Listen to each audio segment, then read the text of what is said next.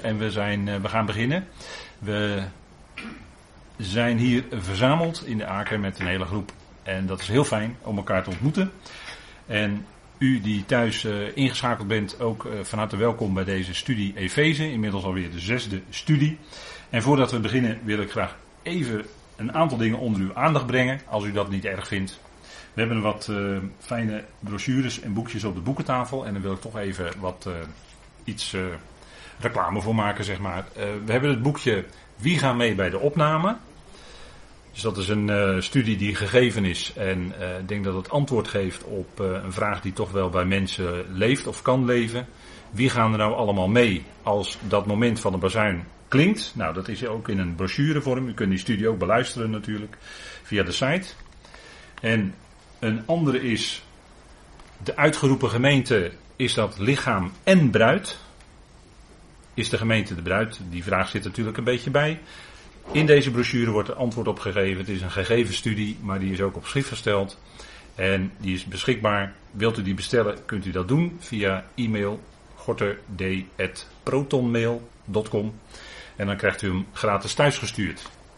Dan, als u Duits kunt lezen, uh, een heel mooi boekje. Daar hebben we nog een paar exemplaren van. Dat is van een Duitse broeder Herman Rokke. Het is wel in het Duits geschreven een uh, toelichting op Romeinen 1 tot en met 8. En ik denk dat dat een hele fijne brochure is die ik uh, altijd met veel genoegen erbij pak als ik uh, ermee bezig ben met die eerste hoofdstukken van Romeinen. Romeinen 1 tot en met 8, uitgegeven door Concordante Verlaag in Duitsland van broeder Herman Rokke. Van harte aanbevolen. Is een hele fijne boekje denk ik. En een nieuwe. Een nieuw boek, dat is van dominee P. Petri. En dat is uh, Wederzijdse verzoening van het al, dood en laatste dingen. Dat is een heel fijn boekje. Dat is vertaald door, uh, ik mag het niet zeggen natuurlijk van haar, maar dat is door Rita Buurveld vertaald in het Nederlands.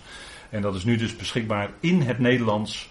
Helemaal vertaald het boekje en geeft antwoord op allerlei uh, probleemteksten ook met betrekking tot dood en laatste dingen. Het is ook een heel fijn boekje. En dat boek is oorspronkelijk in het Duits ook uitgegeven, mede door Concordante Verlaag. En uh, ook van harte aanbevolen. Dus als u deze wil, ze liggen op de boekentafel en u kunt ze altijd via mij dan bestellen. Dan worden ze gratis, genade, gratis aan u toegestuurd. Goed, dat gezegd hebbend gaan wij met elkaar beginnen met de studie Efezebrief. En we willen vandaag, u ziet het op het onderwerp al aangekondigd, God, de nederwerping en wij. Daar gaat het vandaag over en dat willen we met elkaar gaan bekijken. En voordat we dat gaan doen wil ik graag eerst met u beginnen met gebed. Vader, we danken u dat we ook hier weer met een hele groep bij elkaar zijn, elkaar mogen ontmoeten en daar blijdschap en vreugde in hebben. We danken u voor ieder die hier wilde aanschuiven. We danken u ook voor degenen die op afstand meekijken en luisteren op dit moment. Vader, mag dat woord uitgaan, mag het woord in onze harten dat doen wat u behaagt, Vader. En dat is een goed werk. Het is uw woord en het verheerlijkt u en uw zoon. We danken u dat we Vader, daar ook vandaag bij stil mogen staan. Een belangrijk facet uit uw plan. En vader, dank u wel voor dat geweldige plan wat u aan het uitwerken bent. Van tijdperken, zoals dat in uw woord staat. En we danken u dat er niets aan uw aandacht ontsnapt. Dat u ons leven kent in al zijn facetten, grote en kleine dingen. Dat u ons hart kent. En dat u meer bent dan ons hart. Vader, dank u wel dat we naar u mogen opzien. Dank u voor uw liefde, die ons omringt, waarin we geroepen zijn. Dank u voor uw geliefde zoon. Dank u voor het vele goede wat u met elkaar geeft. Geef ook in dit uur de leiding door uw geest, dat we het met ons hart mogen verstaan. Geef woorden, beelden, die dat wat geschreven staat kunnen toelichten. Vader, dank u wel dat u ons hart daar wil, daardoor opbouwt en bemoedigt. Mag dat het ook zijn, tot eer van u. We danken u daarvoor in die machtige naam van uw geliefde Zoon, onze Heer Christus Jezus. Amen. Goed, wij uh, lezen met elkaar de eerste versen uit Efeze 1, zoals we dat uh, gebruikelijk te doen zijn. En dat willen we doen vanaf vers 1. En ik lees met u tot en met vers 7. En er staat, Paulus, apostel van Christus Jezus, door de wil van God aan al de heiligen die ook gelovigen zijn in Christus Jezus. Genade voor jullie en vrede van God onze Vader en van de Heer Jezus Christus. Gezegend zij de God en Vader van onze Heer Jezus Christus, die ons zegent met iedere geestelijke zegen te midden van de hemelingen in Christus. Zoals u ons uitkiest in hem voor de nederwerping van de wereld, opdat wij, heiligen en smettelozen, voor zijn aangezicht zijn. In liefde ons tevoren bestemmen tot zoonschap, door Christus Jezus, voor zichzelf, in overeenstemming met het welbehagen van zijn wil, tot lofprijs van de heerlijkheid van zijn genade, die ons begenadigt in de geliefde. In hem hebben wij de vrijkoping door zijn bloed, de vergeving van de krenkingen, in overeenstemming met de rijkdom van zijn genade. Tot zover. En we zijn met elkaar bezig met het punt van de nederwerping, vers 4. Zoals u ons uitkiest in hem van voor de nederwerping van de wereld. Daar willen we vandaag ook naar kijken, wat het allemaal betekent en waarom dat zo is. Uitgekozen, en hier zijn we de vorige keer mee geëindigd met deze slide, met deze dia. Uitgekozen in Christus voor de nederwerping van de wereld. En bij wereld, daar heb ik het woord, het Griekse woord achter gezet. Kosmos, dat heeft te maken met systeem. Het grondbegrip voor kosmos is systeem. Het toenmalige wereldsysteem is neergeworpen. Daar is een gericht over gekomen. En waarom dat zo was, dat zullen we nog zien. Maar u ziet hier een overzicht van het plan van God. Vijf tijdperken, vijf eonen. En in de eerste eon die nederwerping, wat ook de scheidslijn vormt tussen de eerste en de tweede eon. De eonen eindigen steeds in een, laten we maar zeggen, een gericht. En daaraan gespiegeld is het grote gericht tussen de vierde en de vijfde eon. Was het tussen de eerste en de tweede eon een groot watergericht, waardoor hemelen en aarde onder water kwamen te staan, of vol waren gelopen met water, hoe je dat ook maar benoemen wilt. En het zal eindigen, de vierde eon, met een groot vuurgericht. Dus een wereldschepping omvattend vuurgericht, waardoor de huidige wereld zoals die nu is, de huidige hemelen en aarde, door vuur vergaan, zo zegt Petrus dat in 2 Petrus 3. En daaruit komt dan, zoals we met openbaring ook hebben gezien, een nieuwe hemelen en een nieuwe aarde. Een nieuwe schepping. Dat is wat God doet. En God vervoert zijn plan. Daarin is hij niet afhankelijk van ons, van u en mij. Maar hij zet wel instrumenten in in zijn plan om zijn plan tot voltooiing te brengen. Maar hij is niet van ons mensen afhankelijk om zijn plan te kunnen volvoeren. Hij doet wat hij zegt. Hij heeft een plan ontworpen en dat plan voert hij uit in Christus Jezus. En daar heeft hij onze tegenwerking kan dat niet verhinderen dat het plan doorgang vindt. En als hij ons inzet om mee te werken, dan kunnen we daarin meewerken. Maar dat plan gaat altijd door. Dat kunnen wij niet verhinderen. Dat kan niet gedwarsboomd worden. En dat is het geweldige van God. Hè? God is de plaatser. Hij plaatst ons in deze tijd, zo vlak voor het einde van de derde de, de tegenwoordige boze eon noemt Paulus die, waarin het kruis centraal staat, het kruis van onze Heer Jezus Christus, die daar smadelijk stierf ten onrechte. Maar het moest gebeuren en hij werd opgewekt uit de dood. Dat is het hele centrum van Gods hele plan. En daarna gaat alles terugkeren naar God, om het zo maar te zeggen. Dat is wat Gods plan inhoudt. De kosmos, het toenmalige wereldsysteem wat er was, en toen in de eerste eon, u ziet dat pijltje daar, dat blauwe pijltje. In de eerste eon was daar, waren daar geen mensen. Dat, die zijn pas in de tweede eon op de wereld gezet. Hè? God schiep in de tweede eon in zijn herstelwerk ook de mens. Dus in die eerste eon was er geen sprake van mensen, maar wel van geestelijke machten die er waren, hemelingen. Zoals eh, Job, boek Job daar ook over schrijft, moet u maar lezen in Job 38. Maar we zullen Job nog wel meer tegenkomen vandaag. En dat is in verband met die val, met die nederwerping. Hè? Want het woord nederwerpen heeft te maken met een val, zou je kunnen zeggen. Het is neerwerpen. Neer staat kata, dat is een beweging naar beneden. En werpen, ballo, in het Grieks, dat is werpen. Dus er wordt iets neergewerpen. Een bepaald systeem wat er is, dat, heeft zich, eh, dat is eh, tot stand gebracht. Maar dat wordt door bepaalde oorzaak werd dat nedergeworpen. Dus dat systeem verging. Die wereld die er toen was, zegt Petrus ook in 2 Petrus 3. Maar goed, dat zullen we nog zien. Die nederwerping is wel belangrijk en we staan er ook bij stil, want ik weet niet of u zich wel eens heeft afgevraagd waarom in vers 4 van de Efezebrief, hoofdstuk 1, vers 4, er gelijk gesproken wordt over de nederwerping. Dat is dus een heel belangrijk punt. Als Paulus daar zijn brief mee begint, dan wil de geest daardoor duidelijk maken, wil God daardoor duidelijk maken dat het iets heel belangrijks is. De top van Paulus' brieven, de Efezebrief, hoofdstuk 1, vers 4, wordt gesproken over de nederwerping. Dat is dus een heel belangrijk punt. Daar begint hij mee.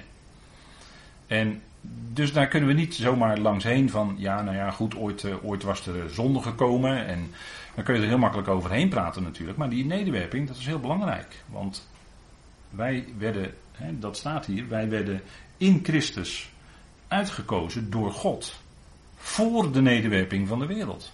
Dat is dus een heel belangrijk punt in Gods plan. En dat is ook bepalend.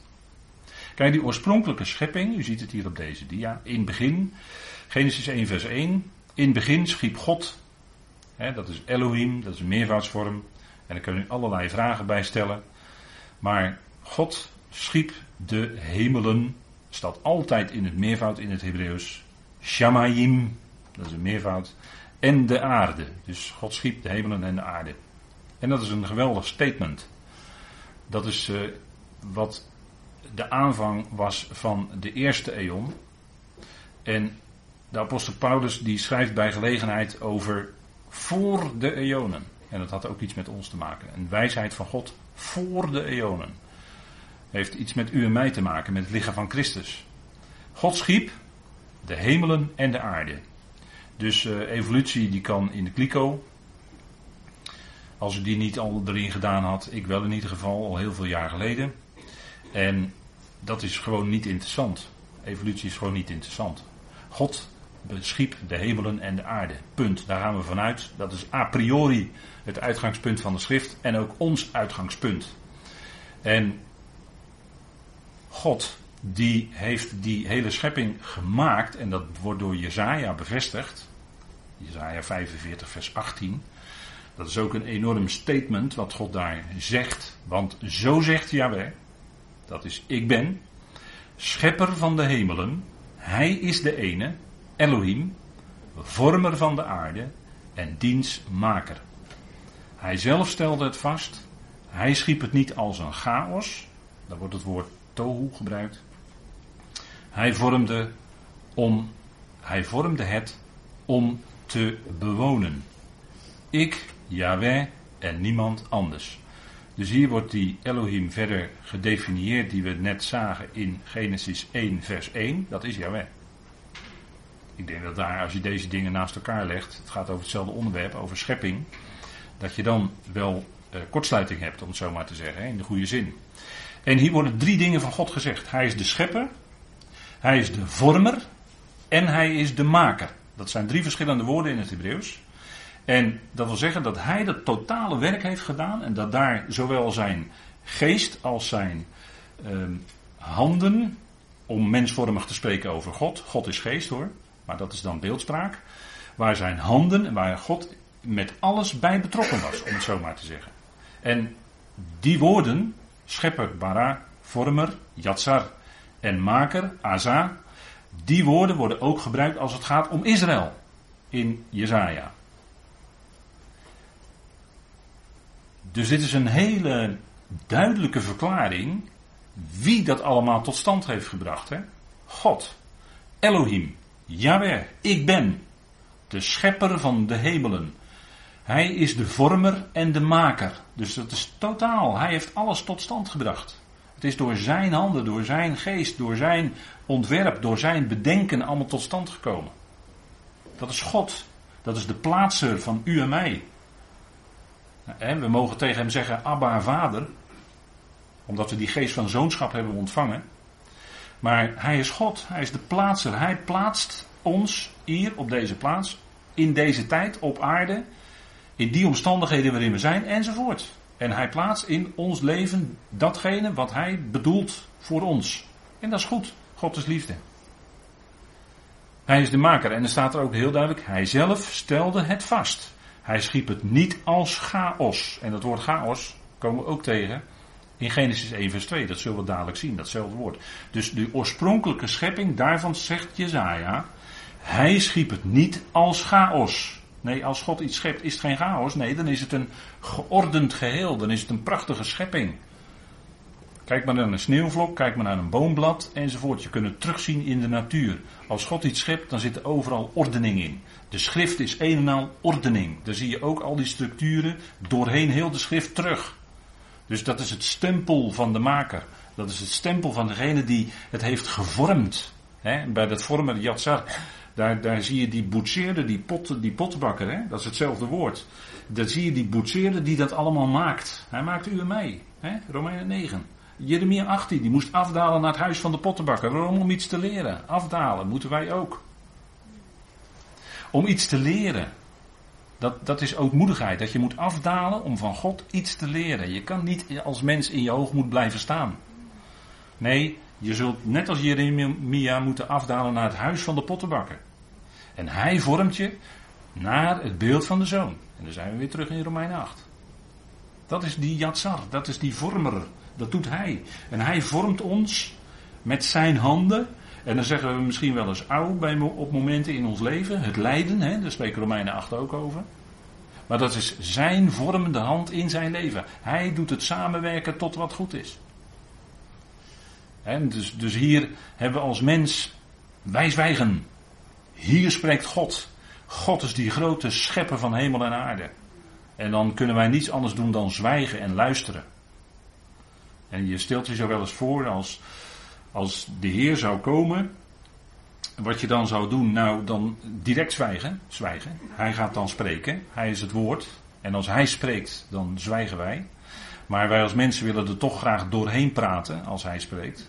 En dat zouden we niet doen, hè. We zouden hem aan het woord laten in ons leven. En ik denk dat dat uh, waarom zeg ik dat? En dat bedoel ik helemaal niet streng of zo. Maar dat is tot zegen. Dat is eh, om zijn liefde te leren kennen. Dat is om uw leven te vormen. Om meer zicht te krijgen op wie hij is en wat hij doet. En, en dat is natuurlijk geweldig. als, je, als je die grote God leert kennen in je leven, dan komt je hele leven van binnen tot rust. Al die onrustige gedachten die, die komen tot rust. wees, de psalmist die zegt het ook. Wees stil en erken dat ik God ben. dat staat in Psalm 46. Wees stil. En erken dat ik God ben, dat ik het goed doe in jouw leven. Dat wist David ook. Man van Gods hart. Leefde in overgave aan God. En, en dat, dat, is, dat is een heerlijk leven in overgave aan God. Dan heb je volkomen rust. Terwijl je heel druk bezig bent elke dag. Want dat, dat wordt altijd misverstaan.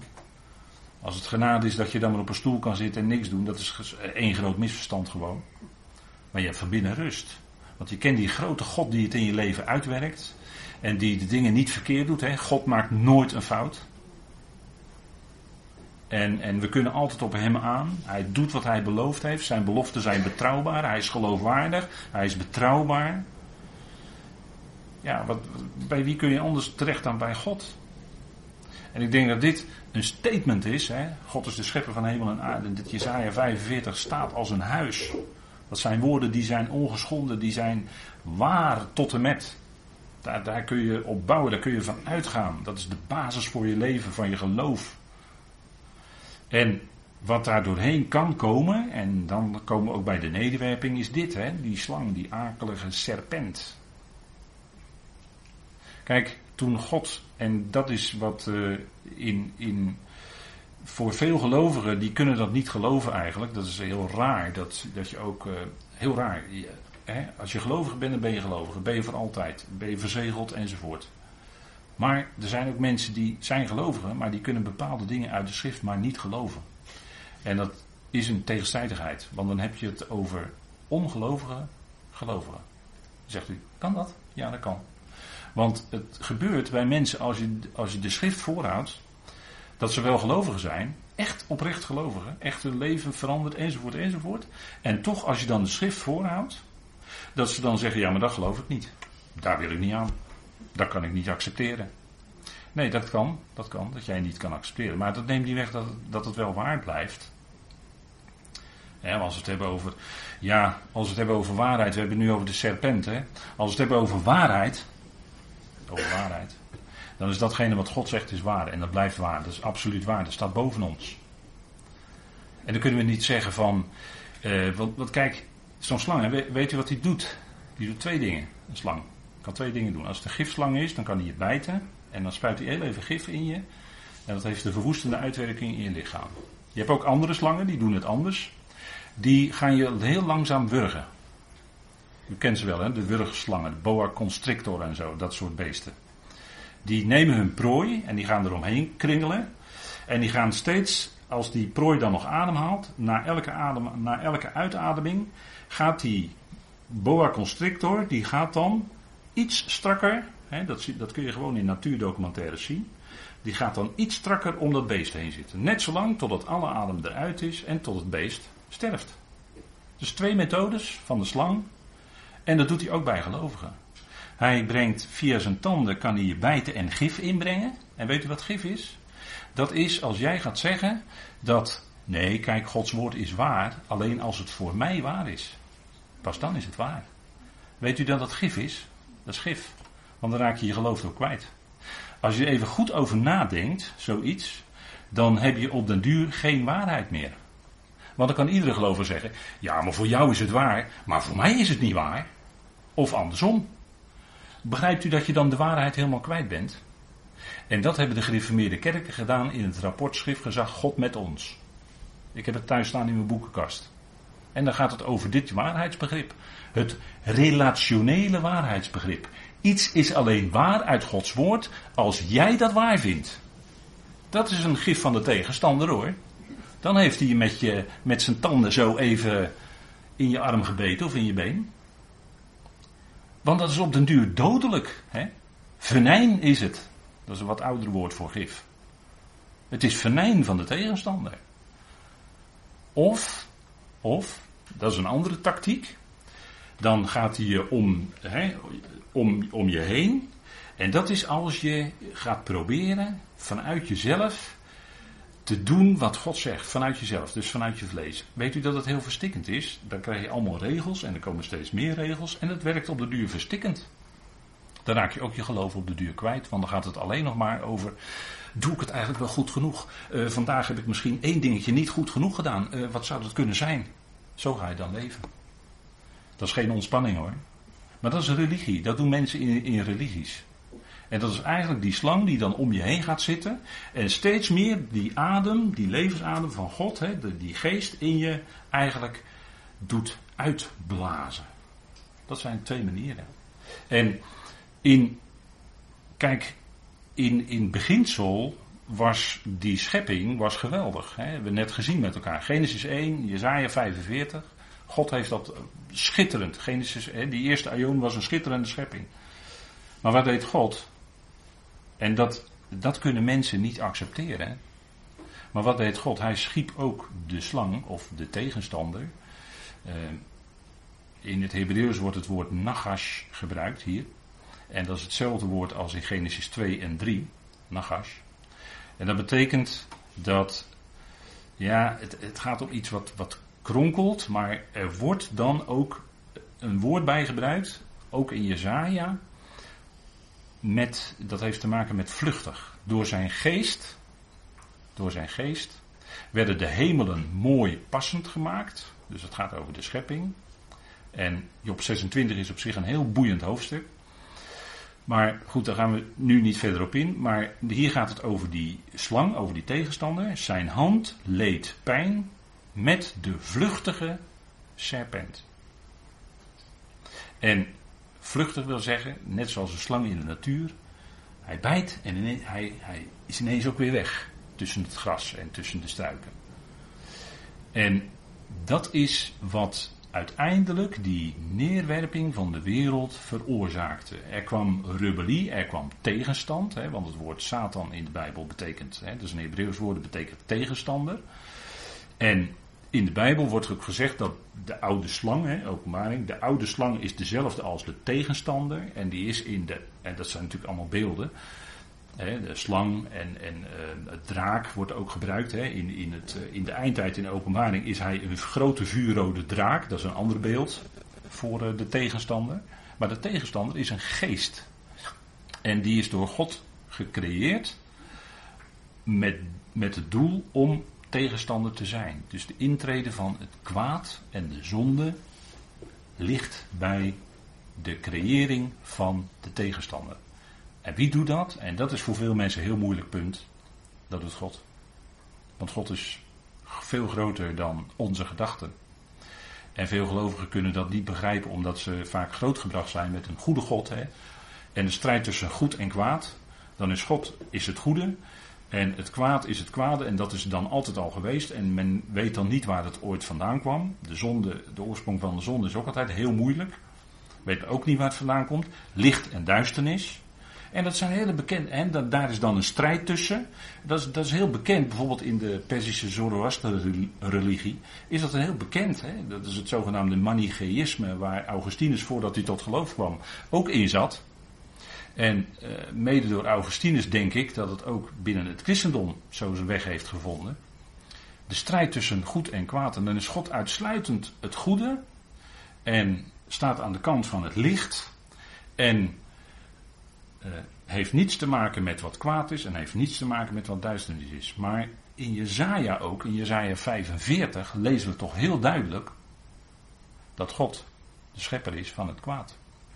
En laten we hem even met elkaar lezen, Jezaja 45. En dat is een andere, dat is een heel andere lijn dan de voorstellingen in het christendom, om het zo maar te zeggen. Jezaja 45, vers 7. Zal ik even met u lezen dan vanaf vers 5. Er staat, ik ben de Heer en niemand anders. Jezaja 45, vers 5. Buiten mij is er geen God. Ik zal u omgorden, hoewel u mij niet kende, opdat men zal weten van waar de zon op komt en tot waar zij ondergaat, dat er buiten mij niets is. Ik ben de Heer en niemand anders. Ik formeer het licht en schep de duisternis. Ik maak het goede, en letterlijk staat er dan, en schep het Ik maak het goede en schep het kwaad. Dat zeggen de beste Hebreeuwse manuscripten. Ik, de Heer, nog eens onderstreept, ik, Yahweh, van wie we net lazen, hij is de schepper van hemel en aarde. Ik, Yahweh, doe al deze dingen. Wordt er nog eens een keer onderstreept, hè? Dus uiteindelijk is het zo dat God, dat lezen we hier in Isaiah 45, dat is een hele duidelijke tekst, maar er zijn ook nog een hele serie andere te noemen. God heeft van meet aan alles geschapen en hier blijkt dat hij ook niet alleen het, uh, het licht formeerde, maar dat hij ook de duisternis schept. En het Hebreeuwse woord voor duisternis is terughouden. Dus daar waar het licht wordt teruggehouden, ontstaat automatisch duisternis. En God werkt. En wat is nou de bedoeling van God daarmee? Hij werkt via tegenstellingen in zijn plan om tot zijn doel te komen. De mens, die later op het toneel zou komen, nog niet in de eerste eeuw, maar in de tweede. De mens zou leren de en een andere schepselen ook zouden leren door tegenstellingen. Wij weten zonder duisternis niet wat licht is. Wij weten zonder kwaad niet wat goed is. En enzovoort enzovoort kan je zelf invullen verder. En wat zegt uh, Jezaja nog meer, heb ik op deze slide ook gezet. En dat is weliswaar in een ander verband, maar waaruit wel blijkt dat God dat kan doen als het in zijn plan past. Ik heb de verwoester geschapen om te gronden te richten. Zegt hij in Jesaja 54, vers 16. En in die vertaling staat misschien het woord verderver. Ach, woord verderver en verwoester, dat ligt niet zoveel uit elkaar. Hè? Ik heb de verwoester geschapen om te gronden te richten. Dus geschapen om dat te doen. En daarmee zondigde God niet. Nee, hij schiep een wezen een geest in dit geval, een tegenstander, die precies datgene ging doen waarvoor die geschapen was. En daarmee heeft God dus niet zijn doel gemist, want doel missen is zondigen. God heeft niet gezondigd toen hij de tegenstander schiep. Nee, die tegenstander ging precies datgene doen wat hij moest doen. Tegenstaan, rebelleren, opstand enzovoort. En dat gebeurde te midden van die hemelse machten en krachten in de eerste eeuw. Want toen waren er nog geen mensen. De tegenstander komt op het toneel. En vandaar dat er ook staat. Kijk, als je dit zo leest, dit is natuurlijk ook een, een bepaalde stijlvorm in het Hebreeuws, een parallelisme. in Job, Job 26. Door zijn geest werden de hemelen mooi passend gemaakt. En zijn hand, dat duidt dus op afstand, hè, want zijn geest is echt zijn innerlijk. En dat is de originele schepping. En zijn hand, dan is er afstand. Leed pijn, leed weeën met de vluchtige serpent. De gedachte is, toen hij die serpent creëerde, deed hij dat met zijn hand. En dan heb je een afstand vanaf je hart. Vandaar dat dat zo daar staat. Hè? Met de vluchtige serpent, dus die snel weg wil schieten. En soortgelijke woorden staan ook in Jesaja 27 vers 1. Die geef ik dan mee voor u. Kunt u dat later nog eens nakijken als u dat wilt. De tegenstander komt op het toneel en dat was de reden dat die, het oorspronkelijke systeem zoals dat was, dat dat nedergeworpen is geworden. Het systeem zoals het was, in de schepping met al die hemelingen die juichten. Volgens Job 38 juichten zij toen God dat allemaal maakte en toen hij een kring trok en eh, noem alles maar op, hè, zoals het beschreven wordt. En dat juichen is bij een deel van die hemelingen vergaan. Er kwam opstand te midden van die hemelingen door toedoen van deze tegenstander. Door toedoen van zoals die dan als serpent, hè, als een beeld wordt aangeduid. Tussen Genesis 1 vers 1 en 1 vers 2. Dus Genesis 1 vers 1 is die oorspronkelijke schepping, het begin van de eerste eon. En dan lees je in 1 vers 2 lees je het resultaat van die nederwerping. Het werd verstoord. Het oorspronkelijke systeem ging te gronden. En dat was vanwege het rebelleren van de tegenstander, daar moest een gericht opkomen. En nu is het bijzondere dat dus in Efeze 1 staat dat wij werden uitgekozen in Christus voor de nederwerping van de wereld. Dus dan mag je daaruit de conclusie trekken dat het was voordat de zonde zijn intrede deed. De tegenstander richtte kwaad aan, zondigde, dus die oorsprong daarvan ligt bij de tegenstander. En de aarde staat er dan in vers 2 van Genesis 1. En de aarde werd, in de vertaling staat was, maar er staat haeta, en dat kun je gewoon met wet vertalen werd chaos, dat is hetzelfde woord als in Jesaja 45, wat we net lazen. Dus God had die oorspronkelijke schepping niet als een chaos geschapen, zegt Jesaja 45. Vers 18 hebben we net gelezen. En leegheid en duisternis. Op, staat er letterlijk op in het Hebreeuws, op het aangezicht van de afgrond. Dus de afgrond werd op een of andere manier door dat gericht zichtbaar. Dat kreeg dus een gezicht, hè? dat is een, een typische eh, manier van spreken zoals je dat in de nacht tegenkomt. er wordt ook gesproken over het aangezicht van de aarde regelmatig. Wordt ook dat woord pene gebruikt. Hè? Het aangezicht van de afgrond. En dit is dus een gevolg van het gericht wat plaatsvond. Die, die oorspronkelijke wereld die werd verstoord, die ordening, dat systeem werd verstoord door toedoen van de tegenstander. En zo werd de aarde tot chaos en leegheid en duisternis. Zoiets schept God niet. Maar in de schrift, als je dat woord nazoekt, die woordcombinatie, bekend voor u denk ik wel, tohu va bohu. Zoiets schept God niet. Nee, dat is altijd, heeft altijd te maken met een gericht. Als het land Israël verwoest is geworden en leeg, dan is het gevolg, hè, het land Israël bedoel ik nu, dan is het een resultaat van een gericht. En dat is ook in Genesis 2 en natuurlijk dat werd en was is natuurlijk zwaar omstreden, er is veel over gediscussieerd en, enzovoort enzovoort. En uh, er zijn natuurlijk, er zijn ook uitleggers die de nederwerping op een ander moment plaatsen enzovoort. Dat is allemaal bekend hoor, allemaal bekend. Maar ik, al die jaren kan ik het niet anders lezen dan zo. Dat hier de nederwerping plaatsvond. Genesis 1 vers 2. En het resultaat van die nederwerping zien we dus dat alles duisternis is, leeg, chaos, water. Petrus zegt dat heel die wereld die bestond in water. Het was allemaal water. En God gaat daarin een uitspansel maken. Dat is het woord rakia. Er wordt er iets uitgespannen in dat water. En dan ontstaat een herstelwerk van God. En wat we dan lezen verder in Genesis 1. Hè? Genesis 1 vers 2 tot en met het einde van het hoofdstuk is het herstelwerk.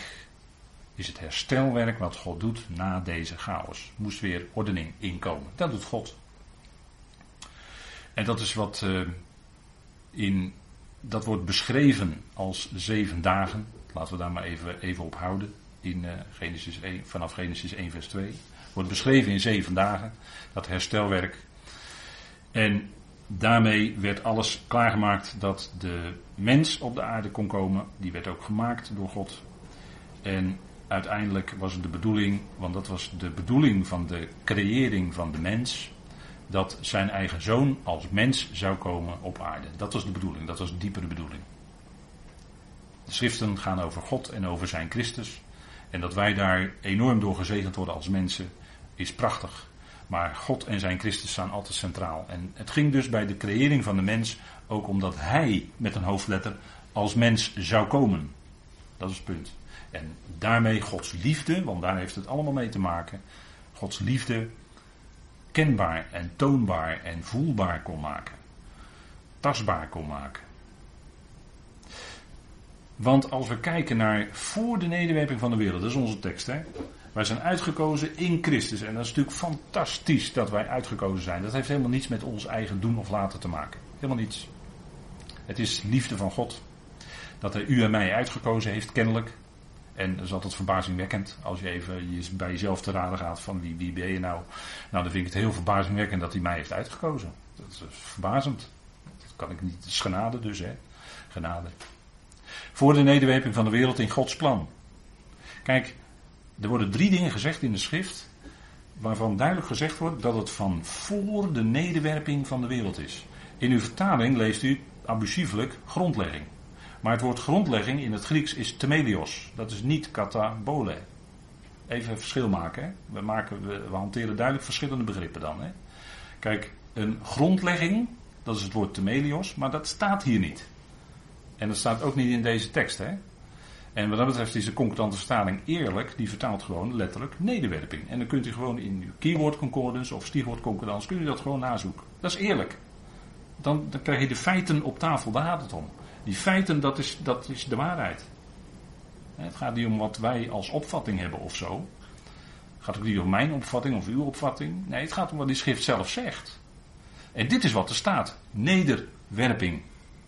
He, kata bole. Nou, er is geen andere mogelijkheid. Dat staat er. En wat is nu van voor de nederwerping van de wereld? Dat is als de Heer Jezus bidt in dat ontroerende gebed van Johannes 17. Dat is de liefde van de Vader tot de Zoon. En daar gebruikt de Heer dan ook die bijzondere uitdrukking voor de nederwerping van de wereld. En dan zou je kunnen zeggen, kijk, dat is nou het motief achter Gods plan. Wat is nou het motief achter al datgene wat God in werking heeft gezet? Dat is zijn liefde. Dat is zijn liefde allereerst natuurlijk voor zijn eigen zoon. Daar gaat het om. En dat wij daarin betrokken zijn, dat is geweldig. Maar wat zegt de Heer in Johannes 17, vers 24?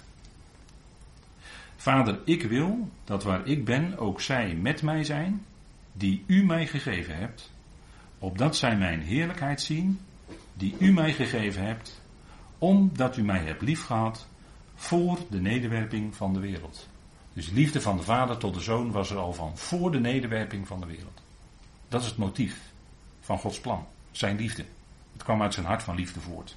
Moeten we nooit vergeten. En als misschien dat voor, ja, voor sommigen van u, of u die misschien op dit moment uh, op afstand meekijkt en luistert, is dat misschien schokkend wat we gelezen hebben in Jezaja. Dat God ook de duisternis schept en zelfs het kwade schept. Maar bedenk wel dat het motief daarachter uiteindelijk zijn liefde is. En zonder haat zouden we ook niet weten wat liefde is. Dat is ook zo'n tegenstelling in Gods woord. Kijk, God beantwoordde de haat van de mensen die de zoon kruisigden. Want daar zat natuurlijk haat achter. God beantwoordde die, die haat met liefde. Want hij deed het volk en de Romeinen niet uit zijn ogen weg. Als, eh, als gevolg van de kruisiging van de zondeloze zoon. Nee, hij wekte zijn zoon op uit de doden. Dat was het antwoord. En dat was liefde. Dat is het antwoord van God. En hier zien we dus eerst het motief achter heel Gods plan. Dus uh, je zou kunnen zeggen, wat heeft God nou in beweging gezet? Hè? Motief is een woord dat betekent dat iets in beweging wordt gezet. Hè? Een locomotief is, een, is datgene wat het hele trein, uh, hele trein in werking zet. Het motief achter Alles wat God doet is zijn liefde. En dat geldt ook voor u en mijn leven persoonlijk. Hè? Want dit is niet ver weg iets dan. Nee, dit is ook voor uw eigen leven heel belangrijk dat u dat beseft. Dat wat in uw leven gebeurt, gaat niet buiten zijn liefde om. Het is zijn motief. God is de plaatser. God is liefde. Die plaatser is liefde. Dat wat hij in uw leven plaatst, gaat niet buiten zijn liefde om. En als je dat gaat beseffen, dan ga je eigenlijk God op voorhand danken voor datgene wat hij gaat doen morgen. Hoe het ook morgen zal gaan, dat weten wij niet. Maar zijn plan gaat door. Dat is één ding dat wel zeker is. Ook morgen. Ook overmorgen, volgende week. Maar dat heeft altijd te maken met zijn liefde. En het punt is dat het, het, volgende, dat heeft natuurlijk ook alles te maken met zijn liefde, waarin hij dat kon bekendmaken. Het lam van God, wat zou sterven voor de zonde, want Johannes die zei, die wees hem aan, zie het lam van God dat de zonde van de wereld wegneemt. En dat, en dat deed hij ook, dat heeft hij gedaan. dat is gebeurd, dat is geweldig. En dat is het middel van totstandkoming van, van Gods plan, waardoor Gods plan ten uitvoer gelegd kon worden. Dat, dat draaide hierom. En dan zegt Petrus ook, want die besefte, dat, die besefte dat en die schreef dat. 1 Petrus 1 vers 19. Maar met het kostbare bloed van Christus, als van een smetteloos en onbevlekt lam. Dat is het kostbare bloed van Christus. Het spreekt van zijn enorme diepe lijden en van zijn dood op Golgotha. Het motief daarachter was de liefde van God. Want zegt Paulus niet in Romeinen 5 vers 8 dat God heeft zijn liefde bewezen doordat hij zijn zoon gegeven heeft voor zondaren. Doordat Christus stierf toen wij nog zondaren waren. Dat is liefde. Wij waren zondaren, wij waren doelmissers. We waren haters van God. We wezen hem af. En niettemin, niettemin had God ons lief. En had hij zijn zoon ook voor u, jou en mij persoonlijk gegeven. Dat is geweldig, hè? En, want van een, van de andere kant bekeken, je kan dat, natuurlijk het kruis kan je van heel veel kanten bekijken. En dat doet de schrift ook. En dat is ook zonder meer nodig. Want van één kant bekeken is lang niet voldoende, want het heeft zoveel kanten, dat kruis. Maar van een andere kant bekeken was het ook een enorm kwaad wat gebeurde. Want degene die zonder zonde was, Petrus zegt het ook in zijn brief, hè? hij die geen zonde gekend heeft. Hij die, bij wie geen enkel bedrog in zijn mond werd gevonden. Helemaal niets. Die zonder zonde was, die werd gekruisigd voor u, jou en mij. Voor die hele wereld, voor die hele schepping. En dat lam was tevoren gekend voor de nederwerping van de wereld, zegt Petrus dan. Hè?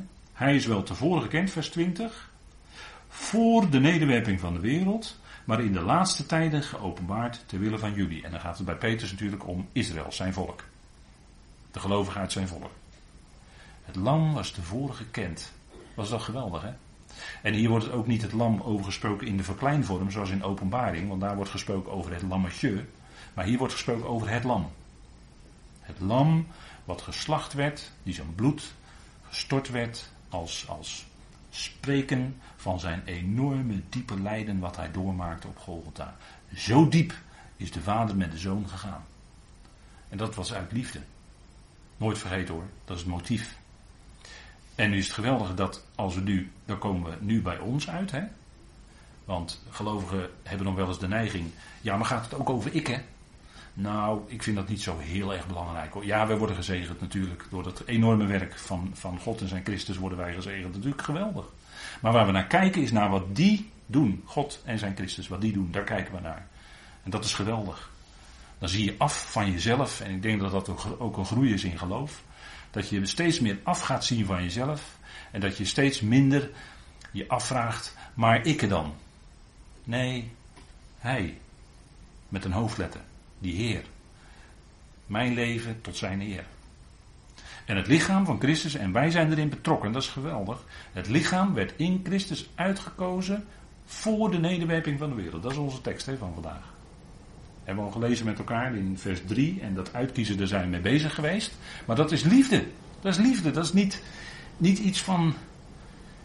Nee. En u ziet ook dat het handelen van God is. En dat het helemaal los staat van uw en mijn gedrag. Er staat helemaal los van. En Christus Jezus is natuurlijk geweldig. Hè? Geweldige woorden vind ik uit 1 Timotheüs 1. Christus Jezus is in de wereld gekomen om zondaren te redden. En dat doet hij ook. Hij kwam niet om ze te veroordelen. Hij kwam om ze te redden. Dat is het geweldige. Hè? Zondaren, dat zijn u en ik. En hij kwam om u en mij te redden. Is dat niet geweldig? Dat is liefde. En dat doet hij ook. Dat is die liefde die hij laat merken hè, in het Evangelie. Waar centraal staat natuurlijk God. Als het, als het goed nieuws is, dan gaat het over God. Als het goed nieuws is, dan gaat het over Christus. En in dat goede nieuws, daar mogen wij dan in delen, dat is dan genade. En we zijn in Hem uitgekozen voor de nederwerping van de wereld. En wat zijn wij? Dat maakt de Efezebrief duidelijk. En dat is wel heel bijzonder. Want er is bij die nederwerping nogal wat gebeurd. Hè? We hadden het net over die geestelijke wereld. Die wereld van de geesten, kan ik ook zeggen. Daarin is toen heel wat gebeurd, de nederwerping. En daarom zijn er nu geestelijke boosheden te midden van de hemelingen. Die geestelijke boosheden zijn in de lucht. En die hebben alles met ons te maken. Wij hebben alles met hen te maken. En het instrument om te komen tot completering van Gods plan, daar zijn wij als, als heel lichaam van Christus, die al die talloze gelovigen van al die tijden, vanaf de roeping van Saulus, al die leden van het lichaam van Christus vormen één lichaam. En dat lichaam van Christus is het instrument van God om dat hele plan van Hem compleet te maken, om dat te completeren. En vandaar dat er van het lichaam wordt gezegd dat we uitgekozen zijn al die leden in Christus voor de nederwerping van de wereld. En dat, dat wordt, hoewel Israël hebben we enorm lief. Israël is Gods volk, we hebben Israël lief, we bidden voor Israël. Maar is, dit wordt niet van Israël gezegd. Dus hier zijn we toch op een verder punt dan dat Israël ooit zou komen. En natuurlijk, Israël heeft ook de eigen plek in Gods plan voor de volkeren hier op aarde enzovoort. Maar voor ons geldt, en dan moet ik het toch even zeggen, een hogere roeping te midden van de hemelsen, in Christus. En wij hebben alles te maken met die geestelijke machten en krachten waar rebellie is gekomen voor de nederwerping van de wereld. En waar die nederwerping het gevolg van was. Vandaar, en nu wordt denk ik als we deze dingen zo met elkaar overwegen, wordt duidelijker waarom Paulus in vers 3 en 4 van deze Efezebrief hiermee begint. dit, dit, wij hebben alles te maken met die geestelijke wereld.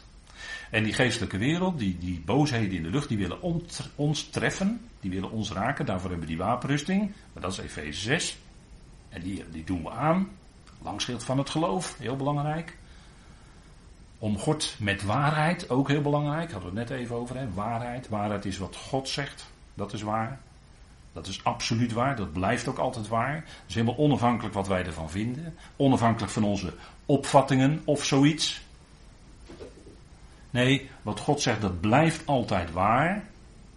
Dat is absoluut waar, die waarheid die van God komt. En daar staan we onder. Die staat boven ons. Dat blijft altijd hetzelfde. Dat is, dat is waarheid. Waarheid verandert ook niet. En er kunnen allerlei menselijke filosofieën doorheen gegooid worden. Maar die waarheid verandert niet. Die blijft hetzelfde. Die blijft staan. En dat is ook wat we zouden doen in die wapenrusting. Staan. Stand houden weerstaan. Hoort u het goed? Drie keer het woord staan. Zo staat het ook in Efeze 6. Die, dat langschild van het geloof, omgord met de waarheid. De voeten, maken we contact mee met de aarde, vrede. Het is vrede, dat prediken wij. In onze woorden, maar vooral in ons gedrag. Vrede, het is vrede met iedereen. Paulus zei dat al in Romeinen 12, voor zover het van jullie afhangt. Houd vrede met alleen de gelovigen? Dat is al moeilijk genoeg hoor. Nou, nou. Maar met alle mensen. Houd vrede met alle mensen. Alle mensen. Wij prediken vrede, verzoening. En toch, ja, laatste kwam dat stukje van Timotheus. En toen ging het over oorlogvoering. Toch is het oorlog. Dat is weer de andere kant, hè. Maar dat heeft te maken met die geestelijke wereld. En dat heeft alles dus te maken met wat plaatsvond voor die nederwerping. En wat later ook zo nog zijn repercussies had in de tijd van Noach, hè, daar spreken Petrus en Judas over, dat er toen geesten gevangen zijn gezet in onwaarneembare banden van duisternis, wachtend op de dag van het gericht. En die wachten nog steeds op de dag van het gericht, dat komt wel, maar die wachten daar nog steeds op. Maar dat heeft alles te maken met wat voor die nederwerping gebeurde. En daar hebben wij dus als lichaam van Christus ook alles mee te maken.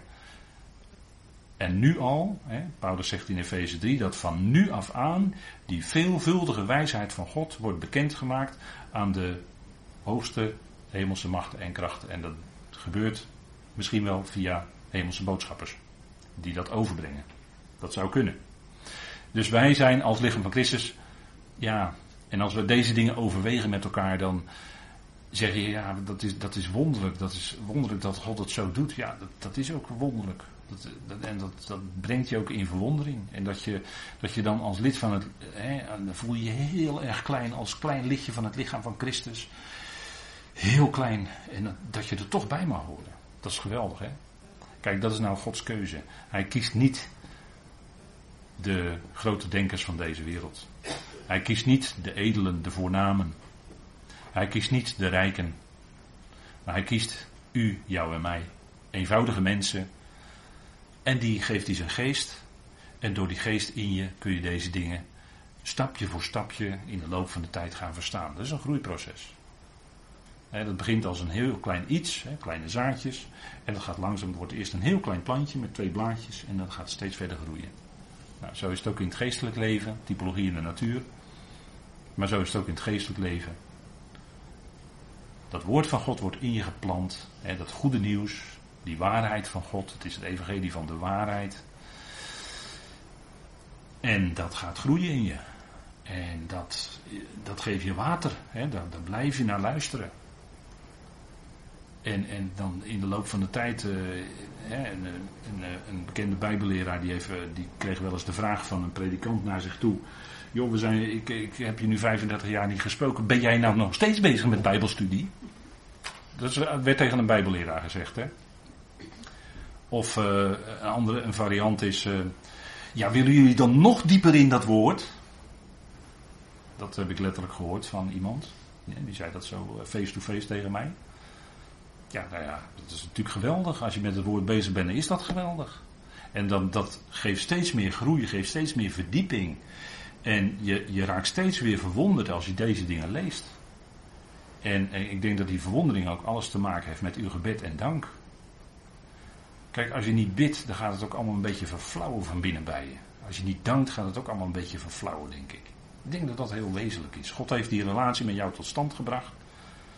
En het kan best wel eens zijn dat eh, de tegenstander wil altijd eh, de, de slang, hè, dan net eh, de burger, boa constrictor, leven eruit, burger door, dat kan ook zijn door de zorgen van deze ionen. Dat, dat, dat kan je ook verstikkend in je werk en daardoor kan je gebedsleven verstoord worden. En kan, let daarop. Hè. Paulus zegt dank en bid, maar vooral dankt. Dat hebben we ook gezien, hè? dankt. Voor die dingen die, die gegeven zijn, dat is ongelooflijk rijk. En, en Gods woord, dat is het kostbaarste wat we hebben, mensen. Dit is het kostbaarste. Dit is een Bijbel hoor, dit is een vertaling. Maar Gods woord is het kostbaarste wat we hebben. En we zouden er alles aan doen om, om dat bekend te maken. Dat is onze verantwoordelijkheid. Ja, wil ik toch even het woord verantwoordelijkheid een keer gebruiken. Is geen schriftuurlijk woord, ik weet het. Maar is onze verantwoordelijkheid om dit woord, om dit geweldige woord uit te brengen en dat te blijven doen. Want Gods woord is niet gebonden. En hij legt het op onze weg. En dat blijven we doen. Dat dat, is, dat, is, ja, dat is natuurlijk geweldig. Dit is het kostbaarste. Dit is meer waard dan een miljard euro of een miljard dollar, weet ik veel. Of bitcoin. Al, die, al die dingen. Al die, het klatergoud. Maar dit, dit, is wezenlijk. Dit is kostbaar. Dit is waar. Dit is betrouwbaar. Hier kun je van op aan. Hier kun je leven opbouwen. Op, op die woorden van God. En in het bijzonder natuurlijk het evangelie van Paulus. Natuurlijk. Kijk, die nederwerping gaat over zonde en redding. En daar moet je over nadenken. He, broeder Nog maakte die opmerking. En die maakt hij nooit zomaar, zo'n opmerking. En dan ga je over nadenken. Dan ga je nazoeken dingen. En dan ga je het ontdekken, stap voor stap. Ja, alles wat met die nederwerping te maken heeft, heeft ook te maken met redding van u, jou en mij. Van die, van die schepping. Het lam van God, we hebben het net gelezen. En zo'n onschuldig lammetje is natuurlijk een prachtig voorbeeld uit de natuur daarvan. Wat u ziet op dit plaatje. Het lam van God was tevoren gekend, zo'n onschuldig dier, zonder gebrek. Is een prachtige uitbeelding van onze Heer, die zonder zonde was, zonder gebrek was, smetteloos was. En hij was tevoren gekend. Hè? God had van tevoren dus dat hele plan al klaar. En toen kwam de nederwerping, dat verraste God niet hoor. Die, die, dat die tegenstander ging tegenstaan, dat verraste God natuurlijk niet. En dat die nederwerping, dat naar de mens kwam en dat die mens ging zondigen, verraste God ook niet natuurlijk. Hè. Dat is allemaal gepland, dat is allemaal bedoeld in Gods plan. Waarom? Om te komen tot erkenning van wie Hij is. Dat Hij een God van liefde is. Tevoren gekend. En dat geldt ook voor u en mij. In Romeinen 8 lezen we dat toch? Die gouden keten van vijf. Tevoren gekend, daar begint het mee. Tevoren gekend. Van wanneer? Van voor die nederwerping. Dus dat heeft helemaal niets te maken met u en mijn gedrag of zo. Nee, dat is helemaal totaal onafhankelijk daarvan. Uitgekozen, tevoren gekend. Ah, dat is natuurlijk fantastisch. Dat is genade. Met allemaal hoofdletters geschreven dan. Hè? Dat is nou genade. En dat had God al klaar voor u, jou en mij.